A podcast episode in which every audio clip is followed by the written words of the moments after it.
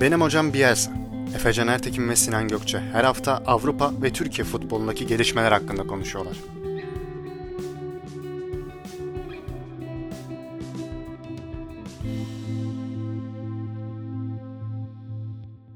Benim hocam Bielsa'nın 15. bölümüne hoş geldiniz. Sinan Gökçe ile beraber Avrupa ve Türkiye futbolunda geçtiğimiz hafta ya da bu hafta olmaya devam eden gelişmeleri konuşacağız. Kendi ara yani bu gelişmeler arasından seçtiğimiz konuları konuşacağız daha doğrusu. Sinan hoş geldin abi nasılsın? Hoş bulduk abi. İyiyim. Yani iyi olmaya çalışıyorum. Sen nasılsın? Önce onu sorayım sonra kendimle ilgili şeyleri anlatırım. Evet aynen biraz seni dertte buldum ben de. Ee, ya benim bildiğin gibi işte çalışıyoruz iş güç. Mesut Özil geldi falan. Onun yoğunluğu vardı bu hafta. Onun dışında bir problemim yok. Seni sorayım ya. Sen biraz dertlisin. Abi dertliyim. Bu programda anlatmadan önce gerçekten bir iki cümle söylemek istiyorum. Bu 15. bölüm oldu. Valla nasıl oldu, nasıl ettik anlamasam da bu 15. bölüm bir anda Vallahi. geldi. Vallahi Yani- öyle. Bu zamana kadar gerçekten hani bizi dinleyen eden herkese bir teşekkür edeyim önce şimdi şu ana kadar olan en azından dinleyicilerimize. Ve abi e, yani işte böyle parça parça ulaşamadığımız dinleyicilerden işte soruları nereden alıyorsunuz? İşte etkileşimli programlarda nerede yorum yapabiliriz gibi şeyler duyuyorum. Hani sistemler duyuyorum ya da sorular alıyorum diyeyim. Bunlar için de böyle bir ufak o yani artık 15'in 15 programdır yapmadığımız bu reklamı artık 15. programda yapayım istedim. Yani Twitter'dan e, et hocam Bielsa hesabından bizi takip ederlerse daha böyle etkileşim içeren konularda fikirlerini alabilir. Onların önerilerini burada konuşabiliriz. Onun dışında da bizi Spotify, Apple Podcast ve YouTube'dan takip edebilirler. Sen yapmadan ben hani dedim bu artık 15. programa özel bir reklamlı Artık. içerik yapayım dedim. Za- zamanı geldi abi evet. Bunu yapmak gerekiyordu. Evet çünkü yani çok biliyorsun sen de aldın ben de aldım bununla ilgili sorular. Hani bir netlik getirelim istedim. Onun dışında bu programda birçok defa e, bahis konusunda kamu spotu yaptık. Ama Çok çok fazla yaptık. bu içerisinde yani bu kaydı aldığımız hafta yaşananların artık yani aç- açıklanabilir bir tarafı olduğunu düşünmüyorum ben. Özellikle e, çarşamba günü oluyor değil mi? Çarşamba günü yaşananlar. Evet evet. Ya ifade edebileceğim şeyler değil. Gerek Aston Villa Burnley maçı olsun bu haftaki. Yani 4.5 alt tercihimizle kuponu biraz olsun güçlendirelim derken 0.48 gol beklentisiyle 3 gol atan Burnley'e çarptık. Ee, Manchester United yani kırmızı şeytanlar geldi bizi adeta şeytan taşlar gibi taşladı. Ya söyleyebilecek Ya abi aynı. söyleyebilecek hiçbir şey bulamıyorum. Yani o hele maçı izleyemeyenler için özetini ve hatta ikinci golü Manchester United'in yediği ikinci golü böyle geriye sarıp sarıp izleseler ve futbol akademilerinde bir oyuncu topluluğu savunma halindeyken ne yapmamalı konulu bir e, sunum olsa, bir prezentasyon olsa eminim ki o sekans gösterilir. İnanılmazdı. Yani söyleyecek hiçbir şey bulamıyorum. Ee, dediğim gibi bahis gerçekten pişmanlıktır. Böyle haftamı Ya kapatabilirim. Güzel nokta oldun. Ya hakikaten o ikinci gol tam bir facia. Ya savun ya United savunması bu arada eskiden de yapıyordu bunları. Ama bir o 13 maçlık yenilmezlik serisinde biraz bırakmışlardı. Ara vermişlerdi buna. Yani eski normale döndü diyebiliriz Manchester United için. Ama tabii Sheffield da bu arada kaçtı? 1974 yılında mı en son Old Trafford'da kazanmış? Yani yine ya bu programın evet ya bu programı geçtiğimiz 14 bölümü dinlemiş insanlar en azından birkaç tanesini bile dinlemişlerse nasıl bir seri bozan olduğumuzu çok iyi bilirler. Ya sadece orası değil. İkinci golü atan Oliver Burke yani yanlış hatırlamıyorsam şimdi maçta Orkun Çolakoğlu anlatıyordu maçı. Bayağı bir üstünde durdu. 27. maçında falan ilk Premier Lig golü olması lazım. Hani her türlü seri boz, bozulur öyle diyeyim. Yani yani her türlü her türlü seriyi bozarız. Hiç sıkıntı yok. İst- istediğiniz seriyi getirin. Biz icabına bakarız yani. Aynen öyle. Ya abi söylenecek bir şey yok. Yani United yaktı ya. Paramparça etti herkes yüksek ihtimalle dünya üzerindeki. Kendi taraftarlarının da çoğunlukta olduğunu düşünürsek ya dünya nüfusunun önemli yani kaygı değer bir kısmını mahvettiğini söyleyebiliriz bu maçın.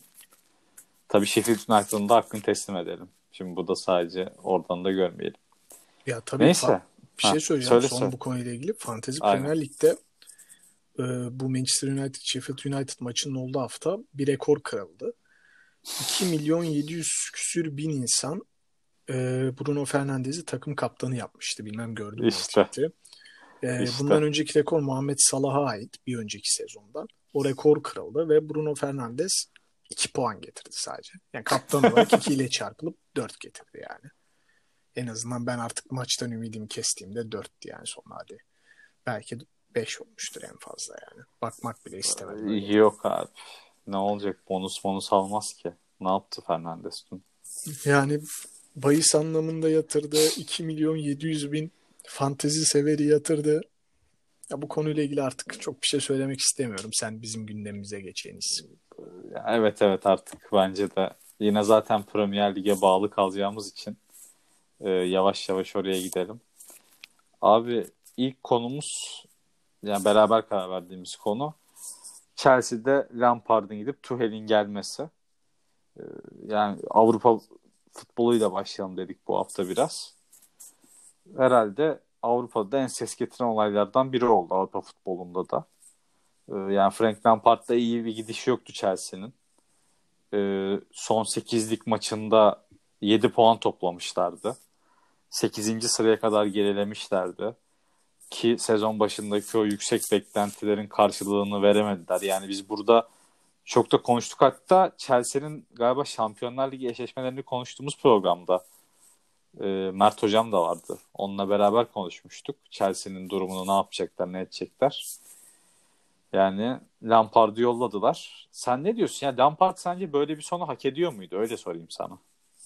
Abi işin burasından başlayacaksak eğer ben şöyle düşünüyorum. Ee, Lampard böyle bir sonu aslında hak etti ama çok erken oldu gibi bence. Yani şöyle bu konuda galiba işte e, hafta sonu hafta içerisinde biliyorsun bir sürü açıklama yapıldı edildi. İşte Lampard'ın ayrılmasını, kovulmasını haklı bulanlar vardı, bulmayanlar vardı. Ben biraz Dean Smith gibi düşünüyorum. Onun şöyle bir açıklaması var. Diyor ki zaman futbolda bize verilmeyen bir lüksten ibaret. Derbideki ilk yılında playoff finali oynadı. Chelsea'de transfer yasağına rağmen FA Cup finaliyle takım Şampiyonlar Ligi'ne götürdü. 56 gün önce lig lideriydi. Bugün bizimle değildi demiş Dean Smith. Ee, ben de biraz Doğru. böyle düşünüyorum. Yani biraz oyuncu grubunun artık halıya sarması diyeyim bizim ligin tabiriyle. Bence Lampard'ı harbiden halıya sardılar yani. Sardılar mı? Sardılar sardılar. Ben öyle düşünüyorum yani. E biraz da bence kadro çok yani ön taraftaki hücum oyuncularının bolluğu Lampard'ın ayağını kaydıran e, bileşen oldu.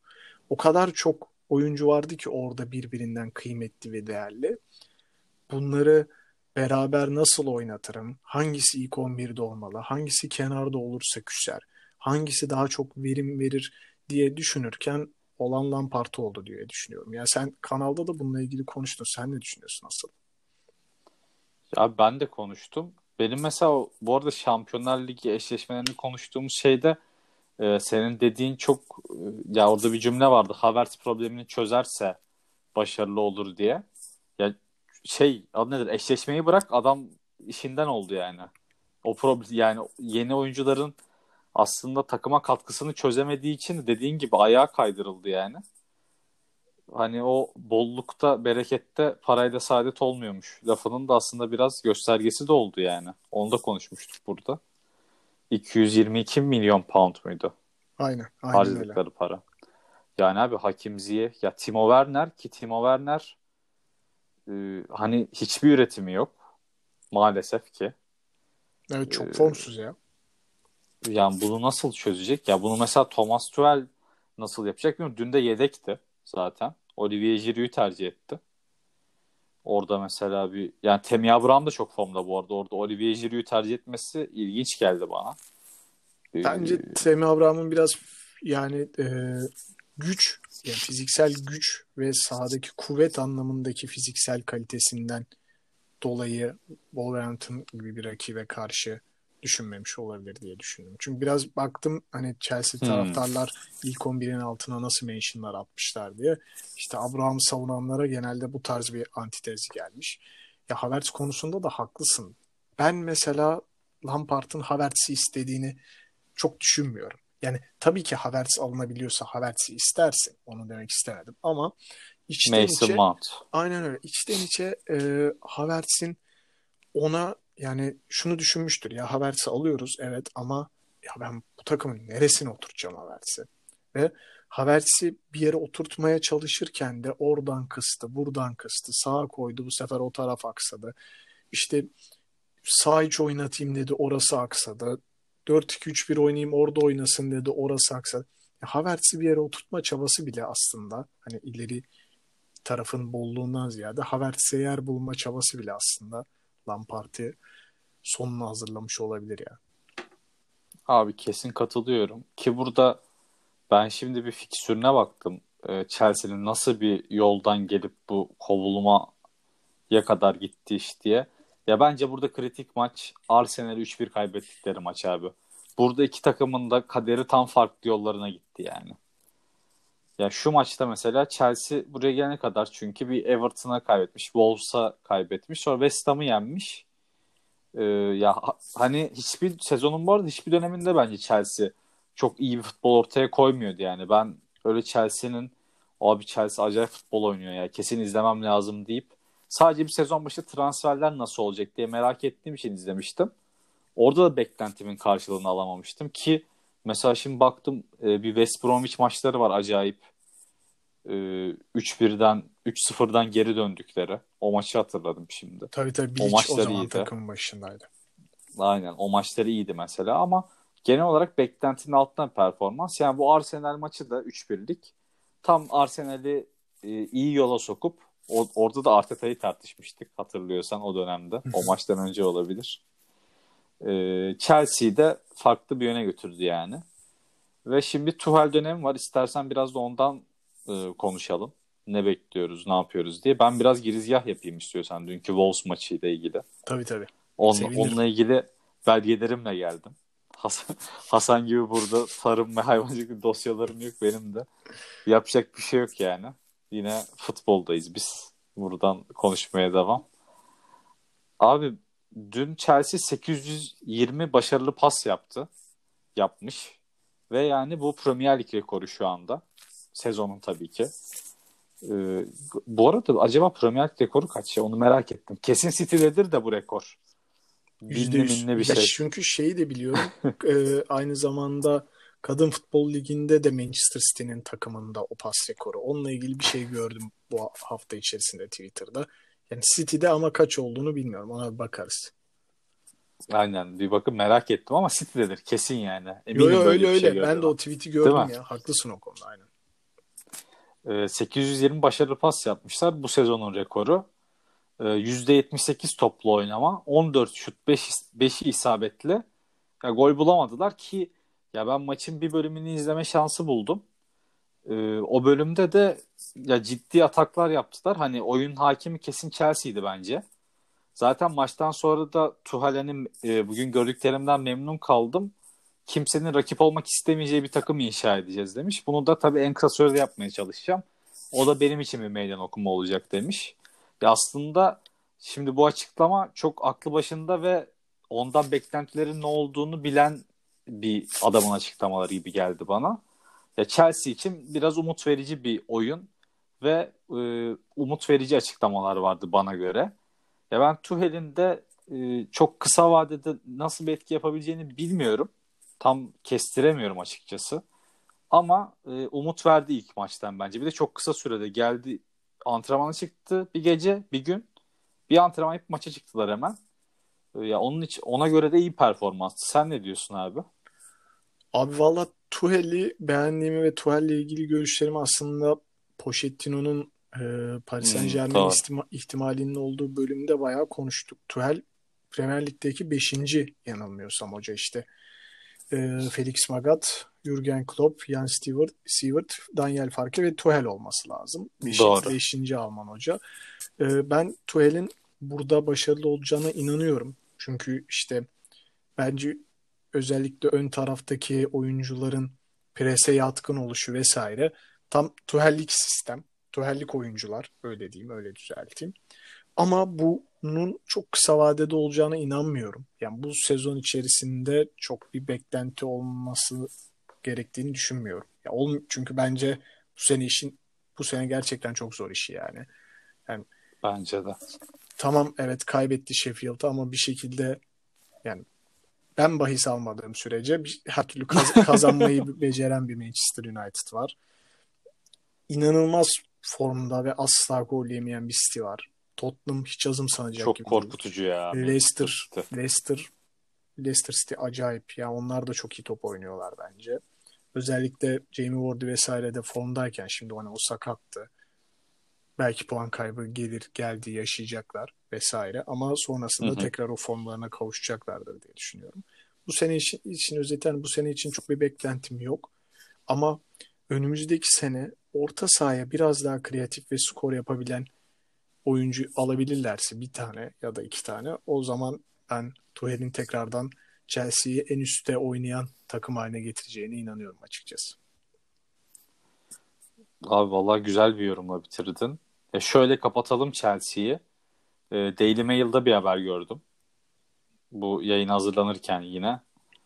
E, yani habere göre Tuchel'in bir numaralı isteği Erling Haaland'mış. Sence yani Erling Haaland'a tabii gerek var mı denmez ama ya önceliği orası olmaz zaten. Söylediklerinden anladım.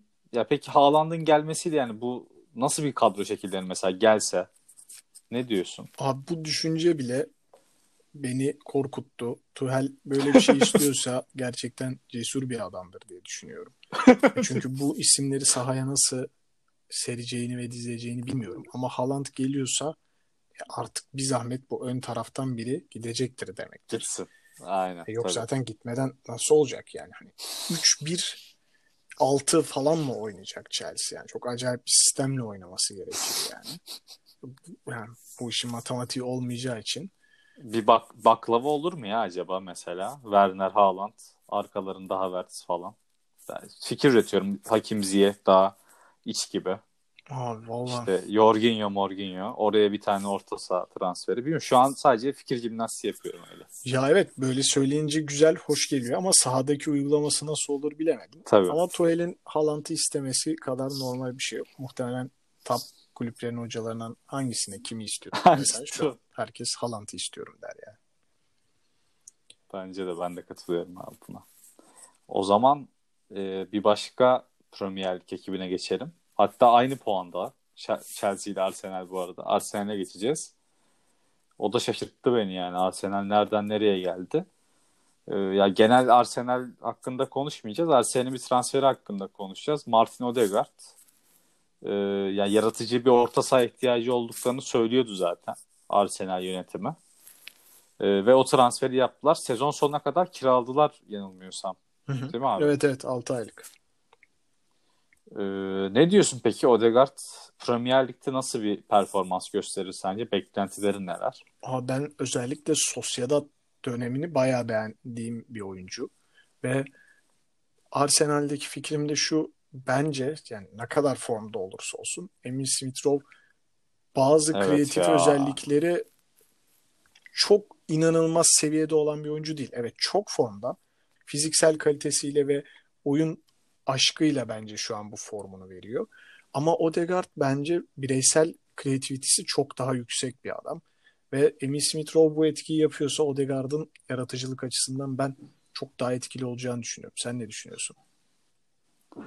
Abi burada ben e, değer verdiğim yazarlardan birinin yorumunu alacağım. Sid Love.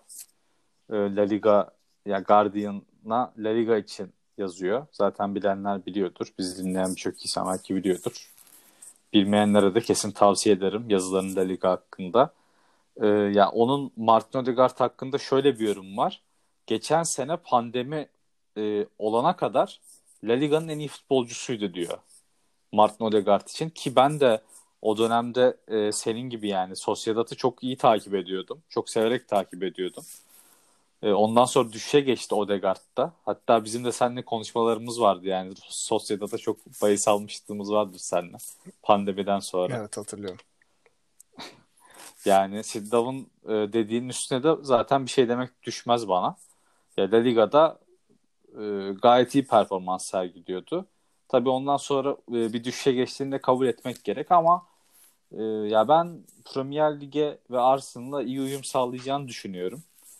Tabii burada aklımı çelen bir soru da yani mesela Sebayos geldi, iyi etki etti, sonradan düşüşe geçti, kazandıramadılar takıma yani. Acaba bir Sebayos gibi de olur mu diye düşünüyorum ama Odegaard daha farklı tipte bir oyuncu gibi geliyor bana. Ee, ya şey beklentiyi karşılar diyorum ben. Ama tabii konu Arsenal olunca biraz açık kapı bırakmak gerekiyor. Hiçbir şey kesin konuşamıyorum ya ben bu Arsenal hakkında. Ben senin Yani. gibi çok düşünmüyorum abi. Çünkü Arsenal'de biraz şimdi artık bence Arteta ne istediğini çok daha iyi biliyor ve asıl önemlisi bence oyuncular Arteta'nın ne istediğini artık daha iyi biliyor. Yani Arteta kendi istediğini belki kafasındaki oyun felsefesini hep bir şekilde kafasının bir yerinde kuruyordu ve oturtuyordu ama oyunculara bunu nedenli geçirebildiği konusunda benim kafamda şüpheler vardı. Ama en azından şu an sahada olan oyuncular Arteta ile beraber ne oynayacaklarının daha farkında gibiler. Sebayos kısmına da şöyle katılmıyorum. E, yani bu e, kafanda böyle bir şey oluşmasını anlıyorum. Çünkü işte hani La Liga'dan gelen oyuncular gibi ama ya Odegaard'da ben biraz o hani İspanyol olmamasının e, Hı hı. Ceballos etkisini bir şekilde yok edeceğini düşünüyorum. Yani İspanyol futbolcuların Premier Lig'de bazıların bir kısmının yaşadığı bu işte fiziksel olarak o seviyeye yaklaşamama problemini e, ya da işte çok okuyoruz ya zamanında Jesus Navas'ta falan da okuduk. İşte homesick oluyorlar, evlerini özlüyorlar, Doğru, mutsuz oluyorlar. Doğru. Yani daha mental problemler yaşıyorlar aslında oyunsal anlamda değil de. Ben Odegaard'ın bunları yaşayacağını çok düşünmüyorum ya. Çünkü çok fazla yere kiralandı etti artık kafa olarak buna hazır bence yani. Cevap aynen bu da mantıklı yani. Bana da sen şimdi bu şekilde anlatınca makul geldi ya. Ama ben o Arsenal'in içindeki e, hani dinamiklerden de biraz şüpheliyim. Yani ne bileyim e, şimdi güzel işler iyi gidiyor yani. İşte 6 maçlık bir yenilmezlik serisi var. E, Premier Lig'de. Mesela United'da oynayacaklar hafta sonu. Sonra Wolves'da oynayacaklar. Aston Villa, Leeds, Manchester City, Leicester yani bayağı sıkıntılı bir fikstür bu arada. Burnley, Tottenham diye gidiyor. Ee, yani mesela buradan neler çıkacak, ne olacak? Ya Odegaard bu süreçte takıma nasıl entegre edilecek? Gelip tak diye koyduğun zaman işte o Emily Smith Rowlu sistemde şu anda işler akışında iyi gidiyor yani. Orada mesela e, nasıl bir fark yaratacak? Hmm, Bilemiyorum ya. Aman abi ya. Yani be- bunu hep söylediğimiz gibi. Bunu da artık biz işin e, sahada izlediğimiz hakkında acımasız bir şekilde eleştiri yapma tarafında olalım. E, Odegaard'ı sahaya nasıl monte edeceğini de bir zahmet Mikel Arteta beyefendi düşünsün. Hangimiz bu Lütfen konuda düşünsün. La haklı çıkacağız? Yani Odegaard e, 6 ayda kalitesini gösterebilecek mi yoksa bir Ceballos sendromu mu yaşayacak?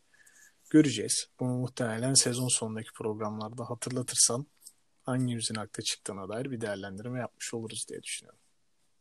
Tamam. Ya yok ben Odegaard bu arada başarılı olamaz Bak yani. şimdi burada bu, bu ana kadar dinleyenler senin de demek istediğini anladı. O yüzden e, bence çok bu şeylere girme. Beni daha önceki Ya, programda ka- böyle attın konuklarımızın önüne. Kardeşim Şimdi bak bu savaş artık senle benim aramda. Bugün ikimiziz.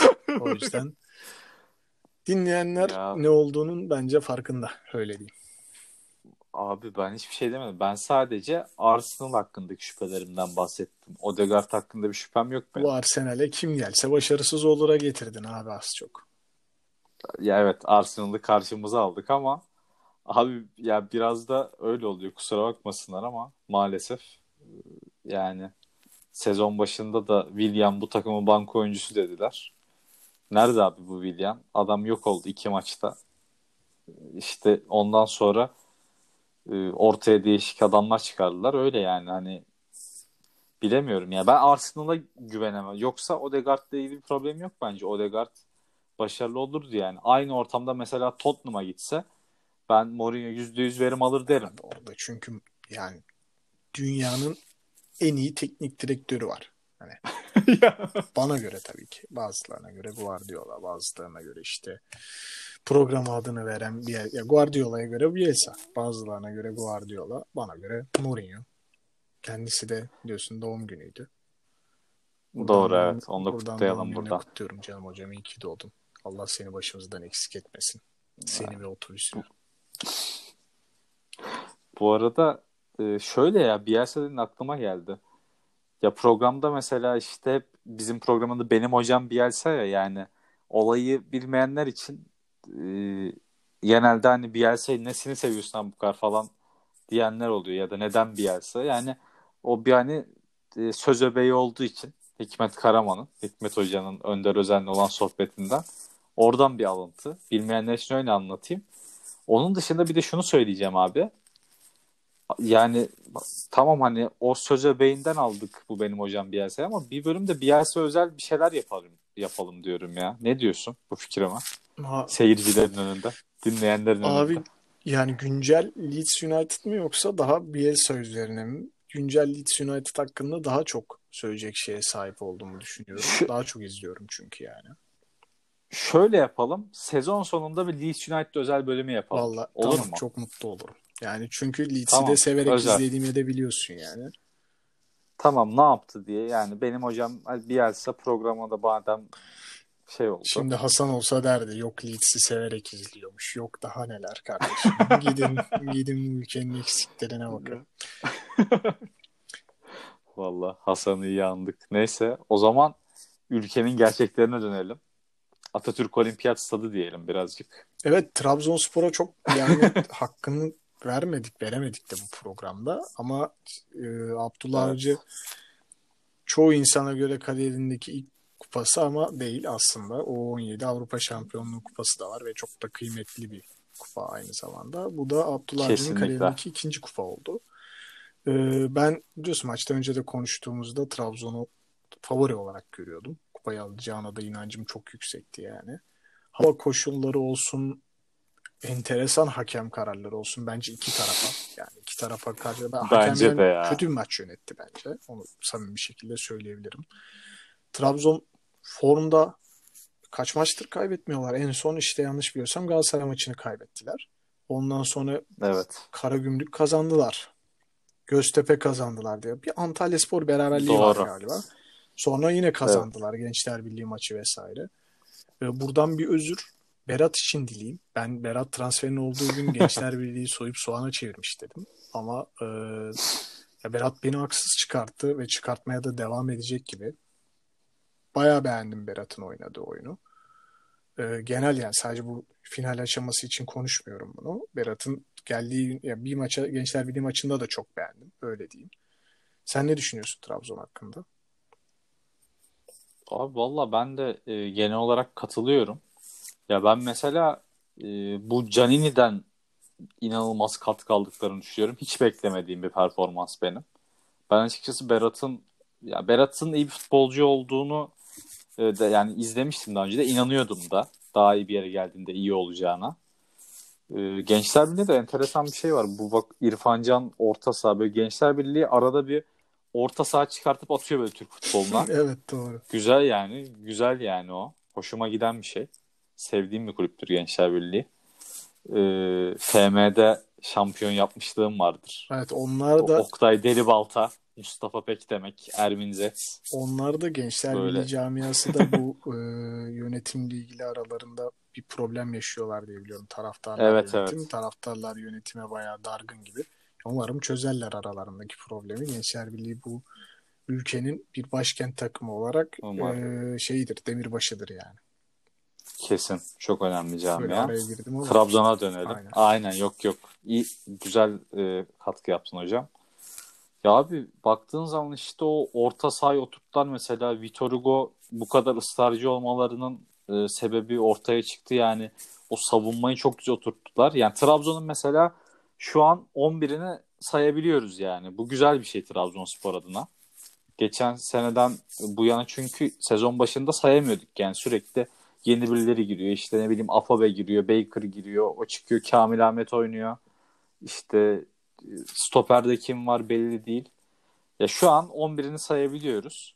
Bu çok değerli bir şey ki zaten golü getiren Ekuban da benim çok beğendiğim bir oyuncu biliyorsun. Geçen programda da Vakayeme ile Ekuban'a özel yer ayırmıştık. Evet. Ee, ya Abdullah Avcı da bu kupada e, aslında gelişinden beri gösterdiği performansın bir ödülü oldu.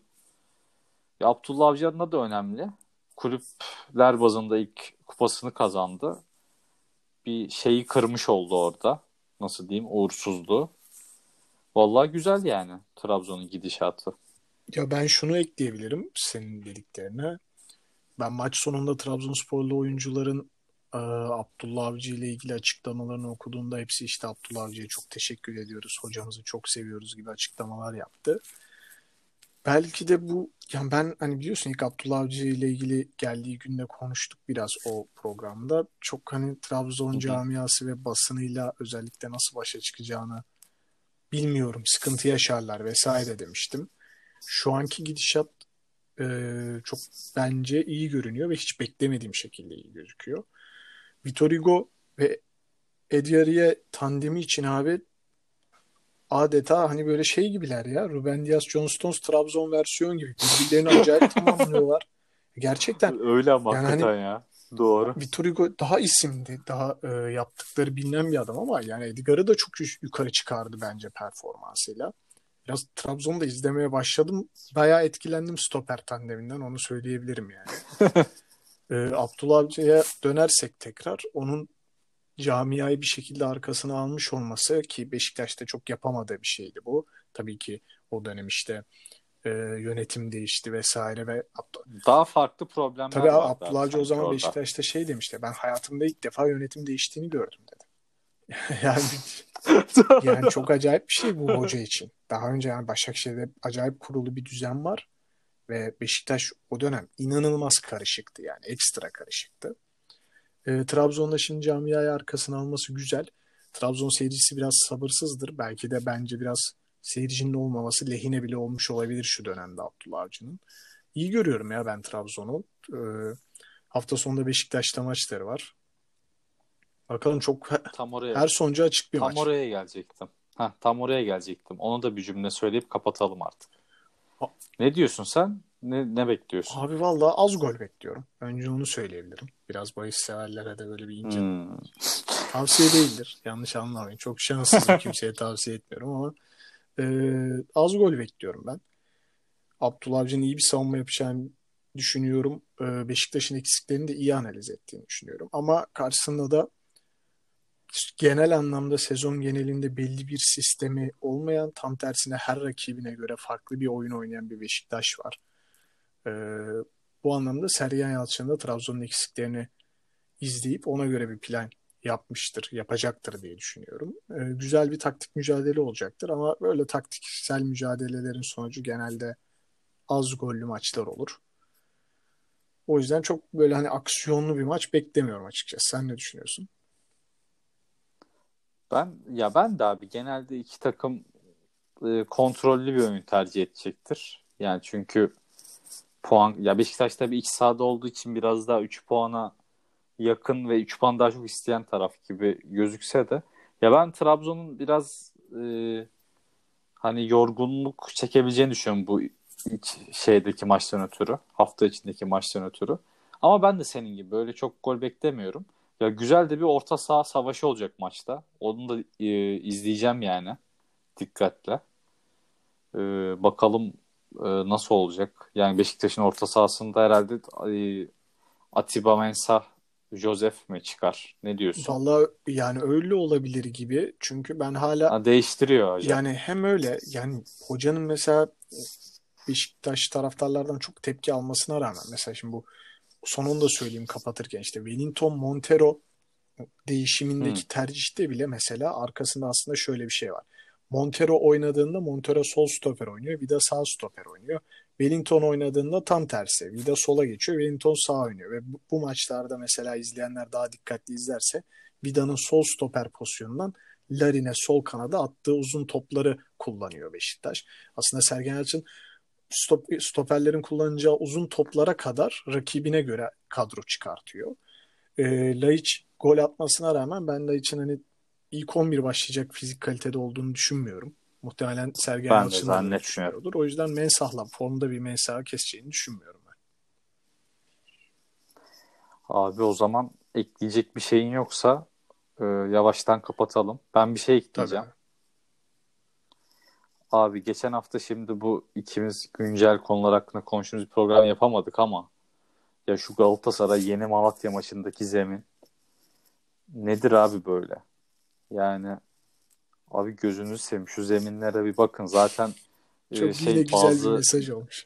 bazı mesajlar da aldım yani bu konuda bu arada. Ya hakikaten ama abi gözünüz adam sakatlanıyor ya böyle bir şey var mı? Yani gidiyorsun oraya ne bileyim adam gole gidiyor hayali çelme takıyor zemin adama. Ya çıldırırsın yani. Onun için gözünü seveyim şu milyon dolarlık lig yok böyle ligiz yok şöyle süper ligimizin değeri diyeceğinize şu zeminlerinizi yapın. Abi, Deyip yani böyle hiç, ser- hiç sert bir- söyleyecek bir şeyim yok çünkü hem bu kestiğin raconun üstüne racon kesecek şey bende yok. Yani o şey bende yok kısmını dinleyiciler duyuyor. Kendileri doldururlar. Hem de zaten gayet güzel konuştuğunu düşünüyorum. Korkuyorum. Daha bir şey diyemem. Kapatabilirsin programı. Gözümüz gönlümüz açılsın abi ya. Süper Lig maçı korkuyorum yemin ederim ya Malatya. Malatya yeni Malatya stadı şey Erzurum stadı Sivas stadı görmeyi açınca korkuyorum yani. Neyle karşılaşacağım diye sarı buz gibi bir Ha. Twitter'da bununla ilgili çok güzel bir float var. Ben de retweetledim. Ee, bu Türkiye'de yapılan statların çatılarının güneş ışığı geçirmeyecek şekilde yapılıyor olması ve bu yüzden saha zemininin belli bir e, kısmının güneş almıyor oluşu. Zamanında bu hatayı 90'lı yıllarda Ajax'ın yaptığı ve bu hatanın yapıldığı dönem Ajax'ın o dönemki başarısız dönemine denk gelindi. Daha sonra işte Old Trafford'un çatısı yeniden yapılırken, Emirates Stadı yapılırken hep daha şeffaf ve geçirgen materyallerin kullanıldığı e, sahanın güneş ışığına mesela şey örneği veriliyor. Olimpiyat Stadı aslında mevsimsel olarak ve hava durumu olarak çok kötü bir yerde. Ama olimpiyatın zeminini mesela hiç kötü görmezsin. Çünkü Doğru. çünkü zemin inanılmaz güneş alıyor ve çiçekler çiçekler diyorum çimler e, daha fazla güneşe maruz kaldıkları için gelişimlerini ve sağlamlıklarını sağlayabiliyor. Bunu yapmayan firmalar işte bu hani zeminlere kurulan ışık sistemleri var biliyorsun görmüşsündür aslında hibrit çimlere Evet falan. evet gördüm gördüm. Zaten bu Tabii, sistemin yaratıcısı da Hollandalı bir firma. O Ajax bu sorunu yaşadığında 90'lı yıllarda adamlar çözümü de kendileri üretiyor ve tekerler. Bu çok pahalı bir sistem. Bunu kullanamıyor bazı kulüpler çok pahalı olduğu için. Belediyelere bırakıyor. Belediyeler de salıyor vesaire. Öyle olunca abi zeminler çok kötü oluyor. Kısacası abi bu statların tavanlarını güneş geçirmeyen şekilde yapmayın kardeşim. Güneş geçirsin, zemin güneş görsün. Düzgün zemin yapın. Hocam 10 numara özetledin durumu. Çok da güzel bilgiler verdin. Ağzına sağlık diyorum. Bana değil abi. Ve- Tweet'in yaratıcısını hatırlayamadım şimdi ama o ha- Evet. onun hakkıdır. Üstüne şimdi yatmış Tamam, olmayayım üstüne. tamam. bilgim. Tamam ona o zaman ona diyelim eline sağlık diyelim ne diyelim tweet yazdıysa. Ee, ekleyecek bir şeyin var Yok mı? abi dinleyenlere çok teşekkür ediyorum. Valla ben de. Bu arada geçen bölümde katkıları için teşekkür ediyorum. Yani ne zaman bir e, soru istesek, öneri istesek e, oraya yığıyorlar cevaplarını. Teşekkür edelim. Bizi Nice dinleyenlere. 15 bölümlere. Nice valla. 15. bölümünde sonuna geldik o zaman. Görüşmek üzere. Görüşmek üzere.